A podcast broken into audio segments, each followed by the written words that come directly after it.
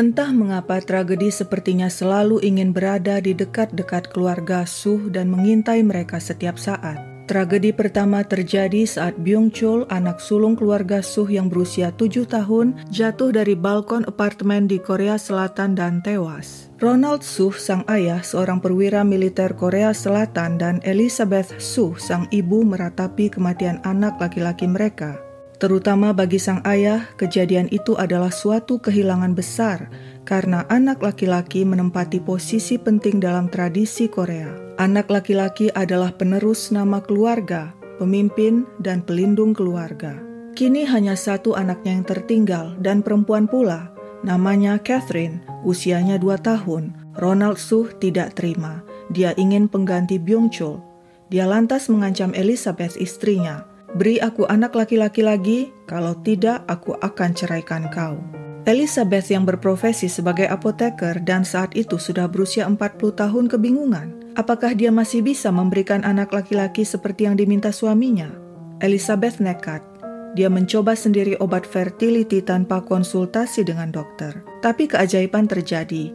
Dia hamil dan akhirnya melahirkan seorang anak laki-laki yang sehat yang diberi nama Andrew. Ronald sang ayah senang luar biasa. Perhatiannya hanya tertuju pada Andrew. Andrew adalah kesayangannya, kebanggaannya, dan harapannya. Sebaliknya, dia menyalahkan Catherine yang dianggapnya sebagai penyebab kematian Byung Chul yang jatuh dari balkon saat bermain dengan adiknya itu. Catherine tumbuh menjadi bocah yang kurang perhatian dan kasih sayang. Lihatlah foto ini, wajahnya keras seperti sikapnya. Mungkin meski masih kecil, Catherine diam-diam menyimpan dendam dan kemarahan sebab ayahnya seolah menganggap dirinya tak ada. Pada tahun 1976, Ronald Suh memutuskan pindah ke Amerika Serikat. Dia memboyong keluarganya dan mereka menetap di Chicago, sebuah kota besar di negara bagian Illinois. Saat itu, Catherine berusia tujuh tahun sedangkan adiknya Andrew dua tahun. Di Chicago, Ronald dan Elizabeth membuka usaha minimarket. Sementara itu, Catherine tumbuh menjadi anak pemberontak. Ronald menuding anak perempuannya itu nakal, Sebaliknya, Andrew si anak emas merupakan kesayangan Ronald. Andrew tumbuh menjadi anak patuh, giat belajar, berprestasi, dan rajin membantu orang tuanya. Sang ayah Ronald bangga pada Andrew. Meski masih duduk di bangku SD, Andrew sudah dilibatkan membantu usaha minimarket keluarga sebagai penerjemah saat berhadapan dengan pembeli. Maklumlah Andrew fasih berbahasa Inggris, tidak seperti ayahnya yang kalau berbahasa Inggris tidak seorang pun mengerti karena aksen Koreanya yang kental. Usaha minimarket keluarga Suh berkembang pesat. Hidup mereka makmur sebagai imigran di Amerika. Sementara itu berbeda dengan adiknya Andrew, sikap nakal dan manipulatif Catherine semakin menjadi-jadi yang sering membuat murka ayahnya. Di usianya yang ke-15, sang ayah mencurigainya tidur dengan seorang cowok. Sang ayah murka dan menuding Catherine sebagai perempuan liar yang telah mencoreng nama baik keluarga. Catherine melawan dan mencakar ayahnya. Sang ayah kalap lalu menyiram bensin ke tubuh Catherine dan dirinya dan bersiap membakar mereka berdua. Untung saja sang ibu Elizabeth berhasil mencegah sehingga keduanya selamat. Setahun kemudian pada 1985, Ronald Suh didiagnosa menderita kanker ganas. Setiap hari Elizabeth dan Andrew bergantian menjaga Ronald di rumah sakit, sedangkan Catherine tidak pernah kelihatan. Dia sibuk dengan urusannya sendiri. Saat Ronald dalam kondisi sekarat, Catherine hanya melihat ayahnya dari ambang pintu ruang rawat dan lalu pergi. Ronald tak bertahan lama. Hanya beberapa bulan setelah didiagnosa dia meninggal dunia. Cuma Elizabeth dan Andrew yang menemaninya saat menutup mata. Ketika si ayah meninggal, Andrew berusia 11 tahun dan Catherine 16 tahun. Kematian Ronald merupakan tragedi kedua yang menimpa keluarga Suh. Hari-hari selanjutnya, Andrew yang lebih banyak menemani dan membantu ibunya, sedangkan Catherine lebih banyak menghabiskan waktu dengan teman-temannya. Elizabeth memulai usaha dry clean seorang diri, Kini tidak ada lagi suaminya yang bisa menemaninya. Meski begitu, semuanya berjalan normal hingga dua tahun setelah kematian Ronald, tepatnya di awal Oktober 1987, tragedi ketiga menimpa keluarga Su. Hari itu sekitar pukul 7 pagi, seorang customer mendatangi toko dry clean keluarga Su.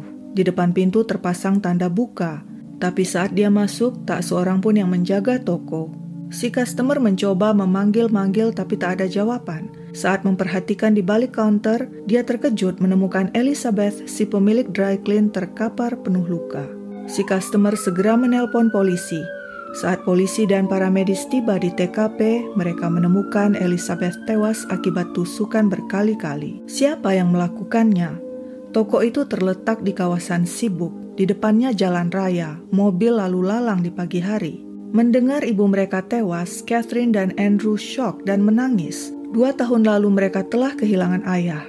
Sekarang harus kehilangan ibu. Ini adalah tragedi ketiga yang menimpa mereka. Yang mengenaskan lagi, tidak seorang pun yang tahu pembunuh Elizabeth Sue. Polisi menanyai orang-orang dan memeriksa TKP dan lingkungan sekitar toko, tapi tidak menemukan bukti berarti. Awalnya polisi sempat berpikir itu adalah perampokan, tapi setelah diperiksa tidak ada barang-barang yang hilang. Polisi juga menanyai Catherine dan Andrew, tapi si kecil Andrew tentu tidak mungkin melakukannya, lagi pula saat kejadian dia ada di sekolah. Sedangkan Catherine memiliki alibi kuat, dia sedang bersama pacarnya yang bernama Robert O'Dubain. Kasus ini tidak terpecahkan dan menjadi beku. Setelah kematian ibu mereka, Catherine yang berusia 18, kini yang bertanggung jawab mengurus adiknya Andrew yang berusia 13 tahun. Catherine mengajak pacarnya Robert untuk tinggal bersama di rumah peninggalan orang tuanya. Robert berusia 25 tahun, lebih tua 7 tahun dari Catherine. Hubungan Andrew dan Robert cukup dekat. Andrew menganggap Robert sebagai abang yang tidak pernah dimilikinya. Robert banyak mengajari Andrew berbagai hal positif termasuk menyetir mobil. Meski sering menghadapi tragedi, hidup Andrew tidak terpuruk. Dia berprestasi dan dikenal sebagai bintang kelas di SMA. Karena prestasinya, dia mendapat beasiswa 4 tahun kuliah di Providence College yang terletak di Rhode Island. Andrew harus berpisah dengan kakaknya Catherine untuk melanjutkan pendidikan sarjananya. Jarak Chicago dan Rhode Island cukup jauh, sekitar dua setengah jam dengan pesawat terbang. Sementara itu, Catherine dan pacarnya Robert O'Dubain hidup mewah di Chicago. Dengan uang peninggalan orang tuanya, Catherine membeli sebuah nightclub dan rumah. Robert juga kecipratan kekayaan Catherine. Dia kini sering tampil dengan jas dan mengendarai Mercedes.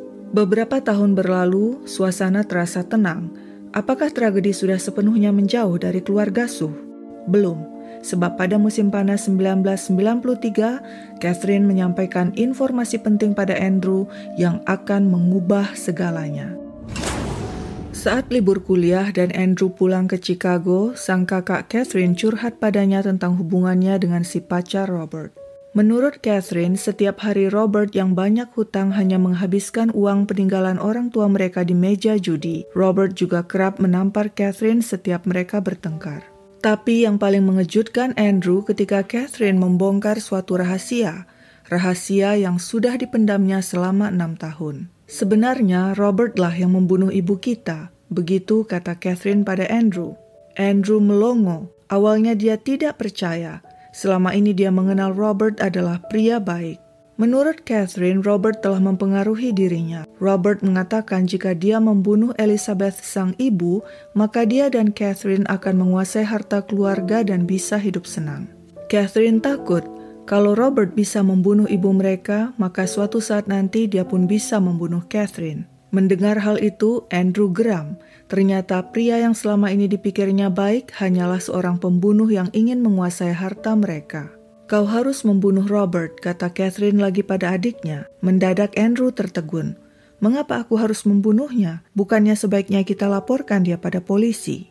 Catherine melarang. Nanti bisa-bisa karena kejahatan Robert dia juga ikut diseret ke penjara. Sebabnya, Catherine telah memberikan alibi palsu pada polisi dan mengatakan pada saat pembunuhan terjadi, dia ada bersama Robert di rumah. Padahal saat itu Robert sedang berada di dry clean menghabisi sang ibu Elizabeth Sue. Tapi Andrew tidak serta-merta menyanggupi permintaan Catherine yang nekat itu. Dia kembali ke kampus di Rhode Island, tapi dia tidak bisa tenang sebab selama dua minggu terus-menerus Catherine menelponnya hingga 66 kali dan mendesaknya untuk membunuh Robert. Ini semua demi ibu kita, begitu kata Catherine. Kebencian Andrew pada Robert jadi menumpuk setiap hari. Kini yang Andrew tahu hanya satu, sebagai anak laki-laki dia harus melindungi keluarganya. Ayah dan ibunya sudah tiada, dan kini keluarganya hanya tinggal satu, Catherine, si kakak tersayang, dan dia akan lakukan apa pun demi Catherine. Iya, aku akan bunuh Robert, tegas Andrew pada kakaknya. Andrew pun datang ke Chicago pada 20 September 1993 dan bersama Catherine kakaknya mempersiapkan semuanya. Tepat pada 25 September 1993, Catherine memberinya sepucuk pistol dan tiket pesawat untuk kembali ke kampus di Rhode Island. Catherine mengantar adiknya ke dekat rumahnya untuk melaksanakan rencana. Seorang diri, Andrew mengintai di dekat rumah tempat tinggal kakaknya dan Robert. Saat itu, Robert hanya seorang diri di rumah. Sedangkan Catherine sudah berada di tempat lain. Dia menelpon Robert dan berpura-pura mengatakan mobilnya mogok di tengah jalan dan minta Robert menjemputnya. Begitu Robert bersiap menjemput dan menuju garasi, Andrew keluar dari persembunyian dan langsung menembak pria itu. Robert tewas. Seorang tetangga yang mendengar suara tembakan bergegas keluar dan melihat Robert terkapar di garasi dan segera memanggil polisi. Kawasan perumahan yang tenang itu mendadak heboh. Catherine menangis meraung-raung saat mengetahui kekasihnya tewas. Keluarga Robert terpukul dengan kejadian itu. Bersama Catherine mereka saling menguatkan Bersama-sama mereka menghadiri pemakaman Robert. Catherine tak berhenti menangis. Ini adalah tragedi keempat yang dialami keluarga Su. Sementara itu polisi telah melakukan investigasi. Mereka menemukan dompet dan kunci mobil Robert hilang. Awalnya polisi berpikir kejadian yang menimpa Robert adalah aksi perampokan dan pencurian mobil, tapi dugaan itu gugur saat mobil Robert ditemukan di pinggir jalan ditinggalkan begitu saja. Ketika polisi menanyai Catherine, dia mengatakan Robert terlilit hutang. Polisi sempat berpikir mungkin saja pembunuh Robert adalah orang yang meminjaminya uang karena marah uangnya tidak kembali. Tapi saat memeriksa keberadaan Andrew adik Catherine, polisi menemukan beberapa kejanggalan. Menurut teman kuliahnya, Andrew ternyata tidak masuk kampus sejak tanggal 20 September karena pulang ke Chicago untuk urusan keluarga dan sampai saat itu belum kembali juga. Polisi mengecek pembelian tiket pesawat dan benar, Andrew kembali ke Chicago tanggal 20 September dan setelah itu tak seorang pun tahu keberadaannya. Tentu saja hal ini membuat polisi curiga. Sementara itu, Andrew ternyata kabur ke Dallas, Texas. Di bandara dia bernasib sial karena dicurigai membawa narkoba. Saat tasnya digeledah, petugas menemukan dompet dan kartu identitas milik Robert O. Dubain. Petugas segera menyerahkan Andrew kepada polisi Chicago. Tak perlu waktu lama saat diinterogasi Andrew mengaku dialah yang menembak Robert atas suruhan kakaknya Catherine. Berdasarkan pengakuan ini, polisi pun segera meringkus Catherine. Kini kedua kakak beradik berada dalam tahanan polisi. Catherine langsung membayar jaminan agar bisa dibebaskan sementara menunggu persidangan. Dia pun melenggang tenang, bahkan sempat-sempatnya pindah ke kawasan mewah di Chicago dan membeli mobil Jaguar. Kepada orang-orang dia memperkenalkan diri sebagai Kasia Kane, seorang konsultan real estate. Dia bahkan sudah punya pacar baru. Tidak sedikit pun Catherine peduli pada adiknya Andrew yang mendekam di penjara. Tidak sekalipun dia menghubungi Andrew di sana. Andrew kecewa mendekam seorang diri di penjara. Sepuluh bulan kemudian saat sidang digelar, Catherine kabur. Akhirnya Catherine diadili tanpa kehadirannya. Dia dijatuhi hukuman penjara seumur hidup, sedangkan Andrew dijatuhi hukuman 100 tahun penjara. Sementara itu, Catherine yang buron bersenang-senang di Hawaii dengan memakai nama samaran Tiffany Escada. Lagi-lagi di Hawaii dia punya pacar baru. Kaburnya Catherine masuk dalam acara TV America's Most Wanted.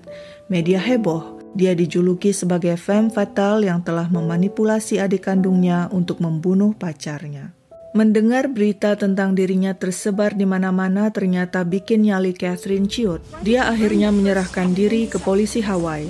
Catherine pun dibawa kembali ke Chicago untuk menjalani hukumannya. Motif Catherine membunuh Robert sebenarnya adalah untuk mendapatkan asuransi kematian pria itu sebesar 250 ribu dolar. Tentang siapa pembunuh Elizabeth Sue sampai sekarang masih misteri meskipun banyak pihak yakin Catherine bersama Robert adalah pembunuhnya. Sayangnya tidak cukup bukti untuk menjeratnya sebab pengakuan dari sang adik Andrew tidak cukup. Selagi di penjara, Andrew Sue mencoba banding dan berhasil. Hukumannya dikurangi menjadi 80 tahun dan dia bisa mengajukan pembebasan bersyarat pada tahun 2034. Andrew mendapat banyak simpati dari berbagai kalangan. komunitas Korea di Amerika mengajukan petisi kepada pemerintah untuk membebaskan Andrew. Mereka yakin Andrew dimanipulasi oleh kakaknya. Jika Andrew bebas, komunitas Korea akan membantu mencarikan kerja dan tempat tinggal untuknya. Bahkan sebuah keluarga di Korea Selatan siap menampung jika Andrew kembali ke sana. Sebenarnya tak cuma warga Korea yang bersimpati, hakim pun bersimpati padanya.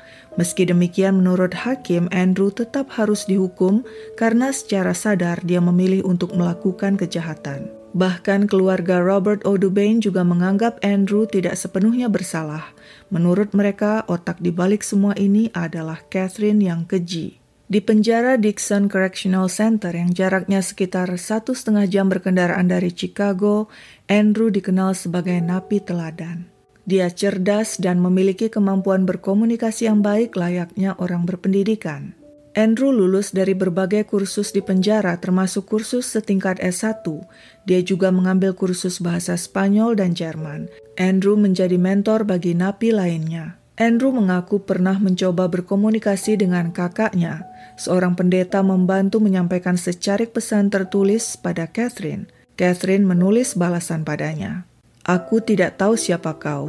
Aku tidak punya adik. Jangan pernah hubungi aku lagi. Kedua kakak beradik itu berakhir di penjara adalah tragedi kelima yang menimpa keluarga Su. Mungkin ini akan jadi tragedi terakhir bagi mereka. Sekian dulu ceritaku, sampai jumpa di cerita lain.